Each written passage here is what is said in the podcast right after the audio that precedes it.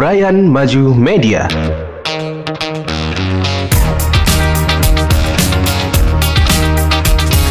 Podcast Pantura.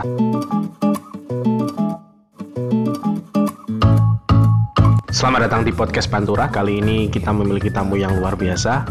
Dia adalah seorang YouTuber sekaligus fans berat dari Persibat Batang. Satu klub di Jawa Tengah yang saat ini sedang berkompetisi di Liga 2. Apa kabar, Mas? Ya alhamdulillah eh, baik-baik saja ini Mas Imam. Tadi katanya baru nonton Persibat eh, hasilnya gimana nih Mas Dian? Eh, ya sejak dari hasil karena hasilnya tadi satu-satu ya menurut saya agak sedikit kecewa karena notabene kita eh, bermain di kandang ya. Lawannya apa sih tadi Mas? Eh, kalau tadi itu lawannya Babel United.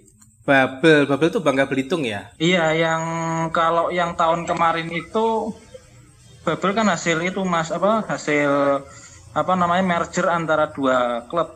Yang kalau tahun kemarin itu Aceh United. Oh, Karena suatu hal Aceh United akhirnya eh, merger dengan Bangka Belitung. jadi musim sebelumnya Aceh United, terus musim sekarang Ya dia namanya Aceh United. merger sama B- Bangga Belitung itu ya, jadinya Babel United gitu. ya. Iya, Itu iya betul sekali. eh, ngomong-ngomong di klasemen peringkat berapa ini? Nah ini ini sangat mengecewakan sekali kalau tahun kemarin itu Persibat bisa bahkan sempat lolos ke delapan besar, tapi tahun ini nomor tiga dari bawah, Nomor tiga jadi sudah masuk zona merah. Sudah masuk zona merah. Berarti ada kemungkinan kalau zona merah itu masuk zona degradasi gitu maksudnya ya? Ya bisa dikatakan seperti itu karena nantinya dari wilayah barat itu kan akan diambil tiga bawah yang terpaksa harus turun kasta. Nah itu yang termasuk Persibat itu masuk dalam tiga terbawah. Oke oke oke. pekan ketujuh ini loh ya. Berarti sampai sekarang Ya untuk sampai pertandingan tadi berarti ini masuk ke pekan ketujuh dengan perolehan poin empat kayaknya dari hasil satu kali menang, satu kali imbang dan selebihnya kalah. kalah ya. Berarti dari pekan ketujuh itu berarti sudah main tujuh kali ya? Iya tujuh kali, Tujuh kali. empat baru kali empat eh berapa empat apa lima lima kali kalah berarti Lima kali kalah, satu kali menang, satu kali seri ya? Satu kali menang satu kali imbang. Soalnya saya juga ngikutin juga itu Persibat dua musim kemarin Liga putaran Liga pertama era Hmm. setelah dibekukan itu kan hampir lolos ke Liga 1 kalau nggak salah ya lawan sama Iya. ya bener bener nggak mas? Iya benar. Nah itu ya tadi yang saya katakan sampai masuk ke delapan besar. Ini tadi nggak sempet kenalan nih sama Mas Dian nih langsung ngobrol soal Persibat aja. Ini sebelumnya dikenalin dulu nih mungkin eh, Oh, iya. namanya nama terus aktivitas sekarang eh, di mana? Selain sebagai ini ya eh, apa youtuber ya. Saya juga kemarin sempet stalking stalking Mas Dian juga nih. Ternyata videonya di YouTube juga banyak dan salah satu youtuber lokal yang cukup intens ya upload upload video di YouTube dan juga kayaknya eh, bener nggak? Bener nggak Mas ya tergabung di komunitas youtuber. Oke Mas mungkin bisa diperkenalkan dulu eh, nama terus aktivitas sekarangnya di mana? Oke baiklah eh, tadi ya karena mungkin kalau tak kenal maka tak sayang gitu Mas Imam ya. Ya Eh, betul. baik betul. eh, nama asli saya itu Dian Pramana Putra. Mm-mm. Kalau sehari-hari alhamdulillah saya bekerja di sebuah sekolahan. Tapi sekolahnya tidak di Batang, Oh adanya di Kecamatan Banyu Putih. ngajar ya Pak Guru nih berarti nih ya? Ya bisa dikatakan seperti itu. Oh, ya oke, bisa oke, dikatakan oke, sebagai guru. Terus eh, sebagai apa namanya sebagai sampingan ya saya coba-coba peruntungan lah ini Mas Imam.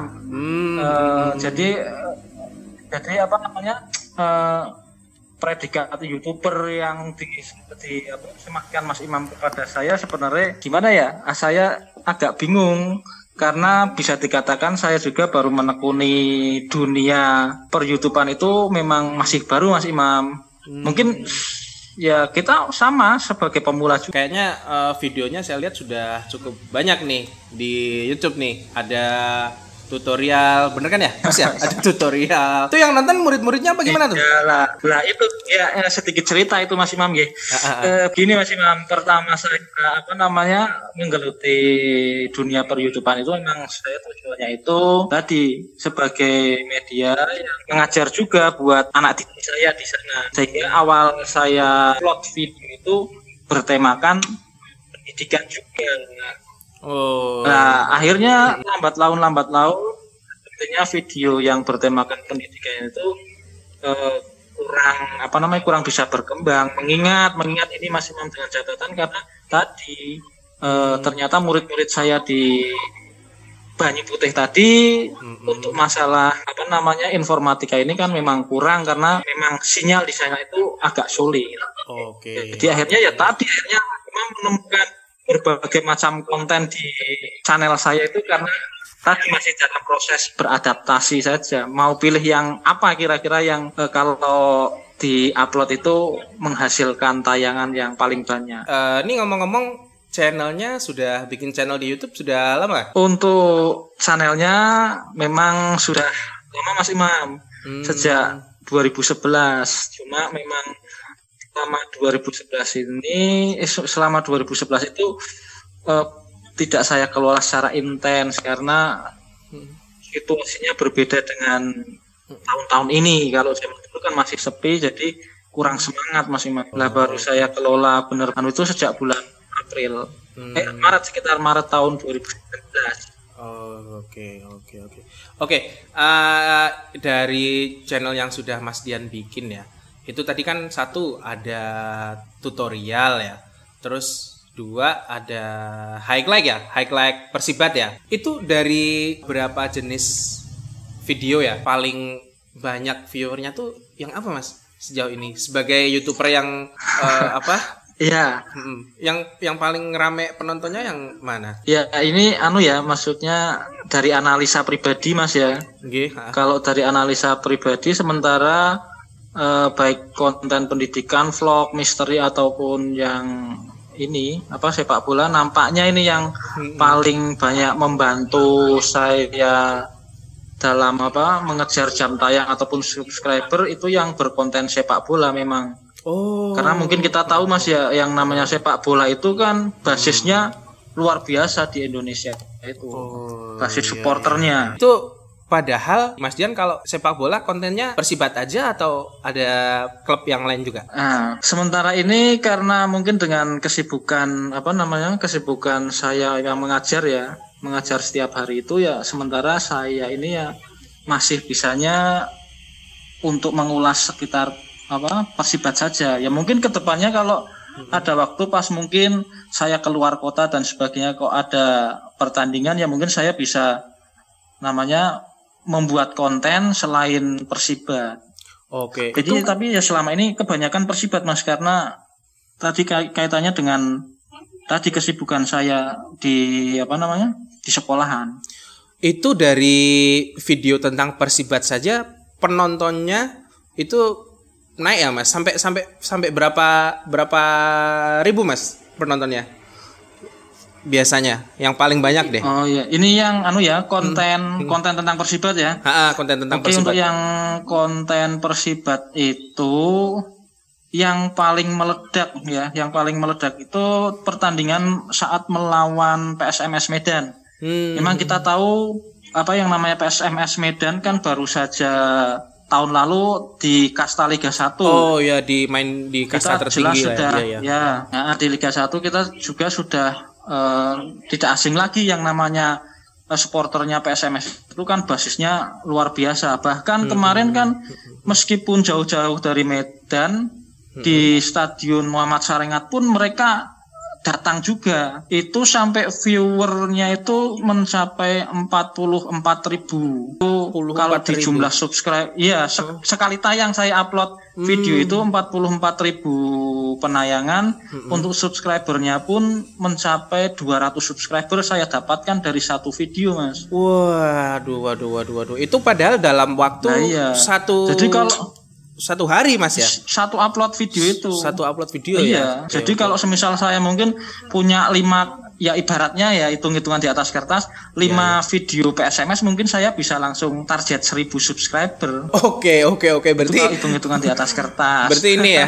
Itu masih eh, kalau kalau main main ada PSMS main lagi bisa ini dong ya, bisa jadi untuk nambah penonton gitu ya. Ya, ya bisa saja seperti itu. Oke oke oke oke. Itu padahal jadi tadi dari konten tentang sepak bola terus eh, Persibat itu pun cuman Persibat saja ya. Ya. Persibat saja dan eh, Iya, masih Persibat saja. masih Persibat saja.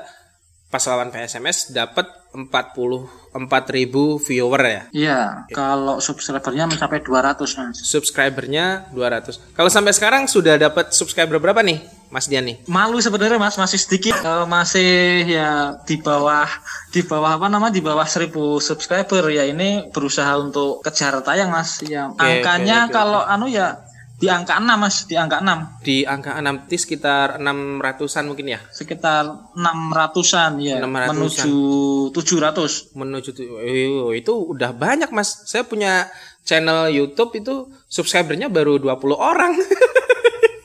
itu itu luar biasa sekali sebagai youtuber yang mungkin Ya, ya memang YouTuber. begini Mas, yang eh, mungkin eh, ya sedikit sedikit anu ya sedikit sharing aja. Memang rasanya itu eh, 100 subscriber awal itu rasanya berat sekali Mas. Oke, Nanti ya. memang itu awal saya juga membuat channel 100 subscriber awal itu sulitnya minta ampun bahkan hampir saja sempat pingin berhenti, pingin resign. Oh, gue kayak pengen ini ya apa iya, pengen resign. pengen iya. banting HP ya? Iya, lah, untungnya saya tadi ketemu dengan sebuah komunitas yang alhamdulillah di situ banyak teman-teman yang memotivasi akhirnya ya saya lanjut. Oh, Dan alhamdulillah sampai angka 6 lah. itu di komunitas itu berarti komunitas eh, tempat tinggalnya Mas Dian ya berarti ya? Iya, ya sementara saya ikutnya yang lokal dulu lah. Ya sebenarnya banyak komunitas-komunitas lain tapi saya saya sementara ya cukup yang lokal dulu karena mau ke luar kota tadi kaitannya dengan kesibukan di sekolahan juga sih. Itu eh, jadi Mas Dian setelah gabung ke komunitas di komunitas itu juga banyak youtuber juga gitu Mas? Eh dari komunitas itu ada anu anu Mas apa ada yang memang sudah satu sebagai apa namanya menjadi istilahnya narasumber ya. Di situ sudah ada yang kelasnya itu penghasilan 14 juta. Itu sebagai istilahnya pembimbing, pembimbing kami. Ada juga yang memang baru awal-awal coba-coba bikin channel, terus ya tadi konsultasi, konsultasi dengan apa namanya para istilahnya masternya biar tertular ilmunya. Jadi ini komunitas youtuber lokal khusus wilayah Batang ya? Iya, eh, wilayah Batang. Ya nantinya Wilayah juga ke depan eh, akan di apa namanya? dikembangkan koordinator dari masing-masing kecamatan. Ini Ya. kan masih masuk masuk ke empat pertemuan keempat. Baru Masuk pertemuan keempat sambil apa merekrut merekrut anggota. itu yang gabung di komunitas itu banyak Mas? Ya kalau yang masuk grup WA itu ya sekitar hampir ratusan mas, hampir satu apa namanya satu grup WA itu hampir penuh tapi ya belum menyentuh angka 200 sih.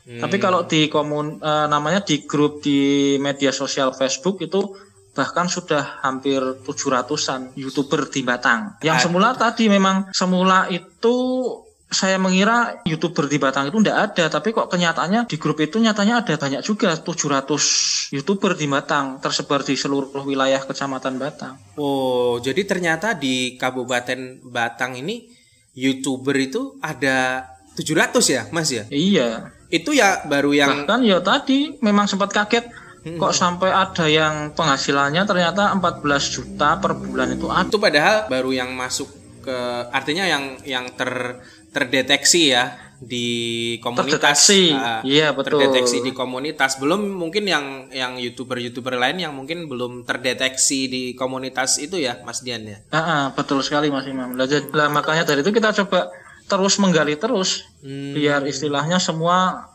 masuk dalam grup sesuai semboyan youtuber Batang go internasional kalau bisa. Udah berapa kali kopi darat nih komunitas youtuber Batang ini mas? Uh, kalau saya pribadi baru ikut dua kali, Hmm. tapi sebenarnya ini nanti mau keempat. Jadi sudah empat kali kopi darat dan uh, kalau Mas Dian berarti dalam hal ini merasa mendapat banyak sekali manfaat gitu Mas ya dari keberadaan komunitas uh, youtuber Batang ini. Ya jelas sangat-sangat bermanfaat sekali bagi saya pribadi. Hmm. Ya karena saya memang ketika masuk eh, komunitas tersebut dibimbing dari nol mas.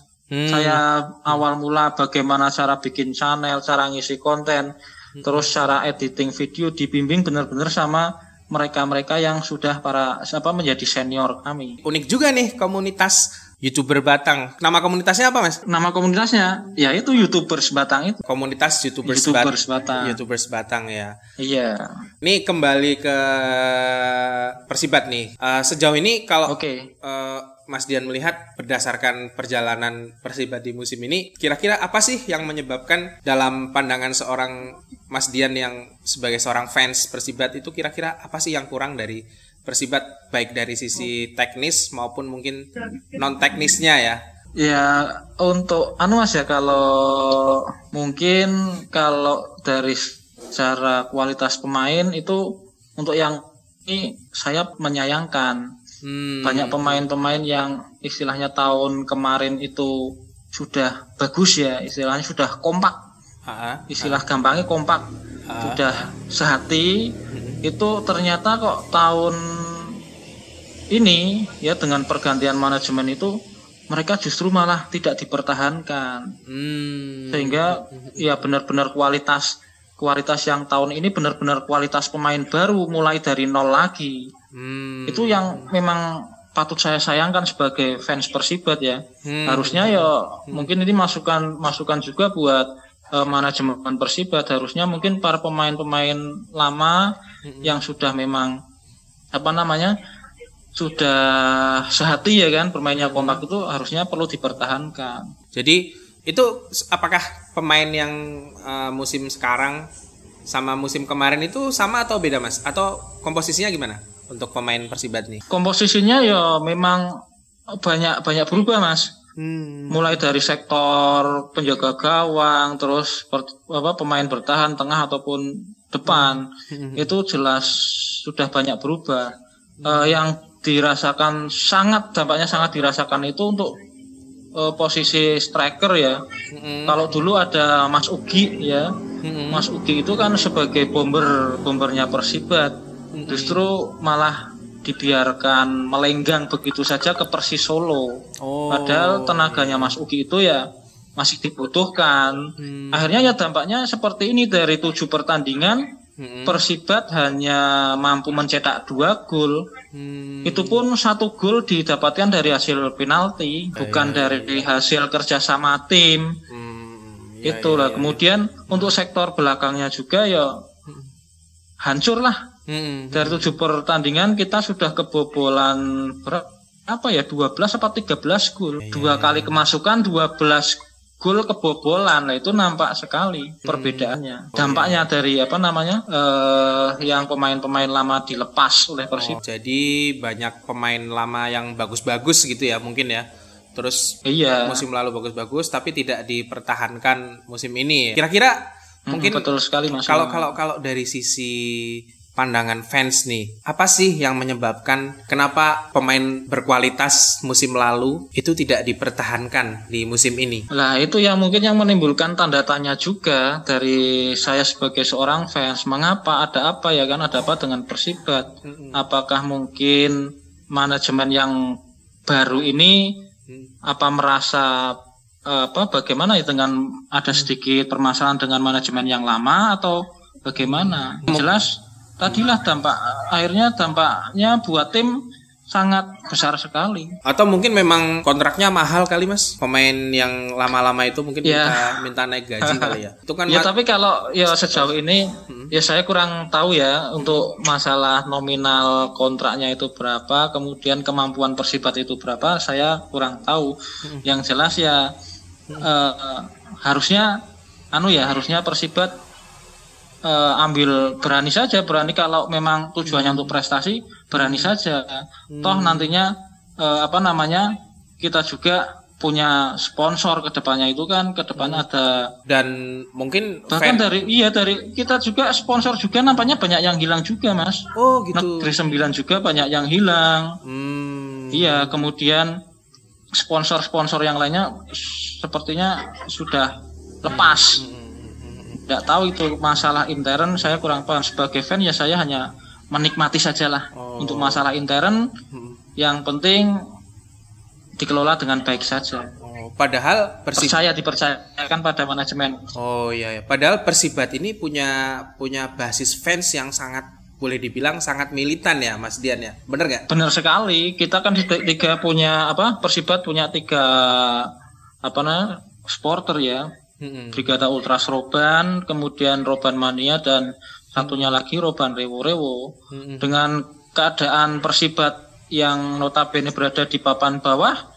eh, belakangan ini di kandang di kandang sendiri kita seakan-akan justru malah seperti bermain di tandang Hmm. karena tidak ada support sama sekali dari supporter itu Padahal patut dis- disesalkan juga itu Oh iya. harusnya di kandang para pemain itu butuh support dari pemain ke-12 justru malah pemain ke-12-nya tidak hadir Jadi sekarang ini ya banyak supporter yang akhir-akhir ini nggak datang gitu ya karena apa hasil pertandingan yang kurang memuaskan gitu ya. Iya, mungkin saya rasa sepinya stadion mungkin salah satu dampak dari kondisi Persibat yang selama ini bahkan kemarin lima kali kalah beruntun. Biasanya kalau di Muhammad Sarengat itu kapasitas stadion sampai berapa mas? Kapasitas stadion secara pastinya kurang begitu tahu, tapi mungkin perkiraan saya sekitar mungkin 10.000 penonton. Itu perkiraan ya. dengan basis fans yang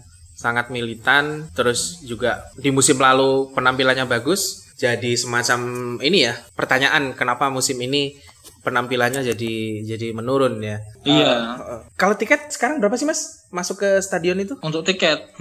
I- nah itu juga mas, eh, apakah mungkin tiketnya yang terlalu mahal atau apa Sehingga fans itu sulit untuk membeli istilahnya. ya. Kalau untuk yang tribun timur itu istilahnya yang yang berpanas-panas ria itu ya. dijual 30.000 ribu mas. Kalau yang tribun barat yang agak namanya teduh itu dijual 50.000 ribu. Oh, oke oke, Tapi oke. kalau di stadion-stadion lain kan memang yang 50.000 ribu itu sudah dapat kelas VIP. Oke, sebagai fans nih, Mas Dian, apa masukan ya atau ide? Karena kalau di fans itu mungkin kan banyak ini ya, klub-klub yang mungkin kalau di Liga 1 itu banyak klub yang sebenarnya mereka tidak punya fans, tapi klub itu akhirnya merger dengan dengan klub yang yang yang lama gitu klub tertentu cuman untuk mendapatkan fans.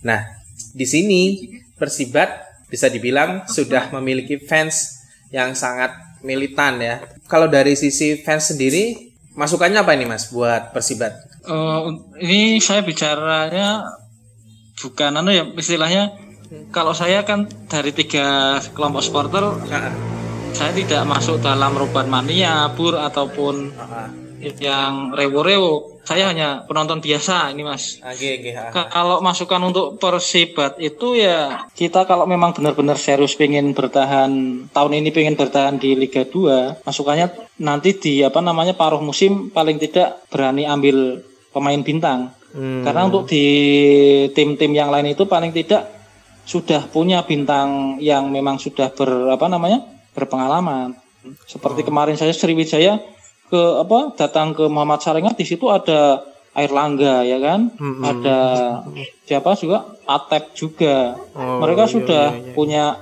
punya bintang sendiri. PSMS juga sudah punya Legimin. Mm-mm. nah kalau Persibat saat ini tidak ada bintang yang memang istilahnya bersinar untuk menjadi apa namanya eh, leader bagi junior juniornya yaitu saran saya itu satu belilah pemain bintang supaya paling tidak me- memperbaiki posisi ya target untuk Liga Liga 1 jangan dulu targetnya ya mungkin bertahan dulu mungkin lebih lebih apa namanya realistis ya Iya. yang penting jangan turun ke kasta 3 Oke. paling tidak oke. bertahan dulu ya. Kemudian untuk saran yang kedua ya tadi, kadang kan selama ini kan eh, ada pergesekan-pergesekan antar supporter dari tiga Hmm. elemen supporter itu kadang kan terjadi pergesekan-pergesekan. Ya Hmm. untuk menghindari pergesekan itu paling tidak tribun itu ditambah oke, biar oke. istilahnya namanya eh, s- tribun itu bisa melingkari lapangan gitu mas karena Oh, selama iya, ini kan tiga elemen yang mendukung supporter itu dijadikan satu tribun Hmm. sehingga setiap kali mereka menyanyikan ya apa yel-yel untuk dukungan Persibat kadang mungkin uh, ada suara-suara yang saling mengganggu sehingga terjadilah pergesekan-pergesekan itu. Seandainya sudah uh, apa tribun ditambah kan paling tidak punya tempat terpisah tersendiri. Mungkin ya itulah yang apa sedikit masukan yang Mm-mm. bisa saya berikan untuk kemajuan Persibat ke depannya. Dan kita bisa bilang bahwa sebenarnya aset kalau orang jualan itu kan katanya ini Mas ya, aset paling penting itu pelanggan ya. Kalau kalau klub mungkin aset paling penting mungkin supporter gitu. Betul nggak Mas Dia? Setuju nggak dengan ungkapan itu? Bahwa Ya saya setuju, setuju sekali tanpa supporter klub itu tidak bakalan lah. Dari mana mereka akan dapat pemasukan kalau tidak dari supporter yang mendukung ke stadion? Jadi memang harus benar-benar yang namanya supporter itu dijaga baik-baik. makasih banyak ini Mas Dian untuk obrolan singkatnya. Mungkin nanti besok-besok kita bisa ngobrol-ngobrol lagi. Saya Imam Fauzi pamit, sampai jumpa di podcast berikutnya.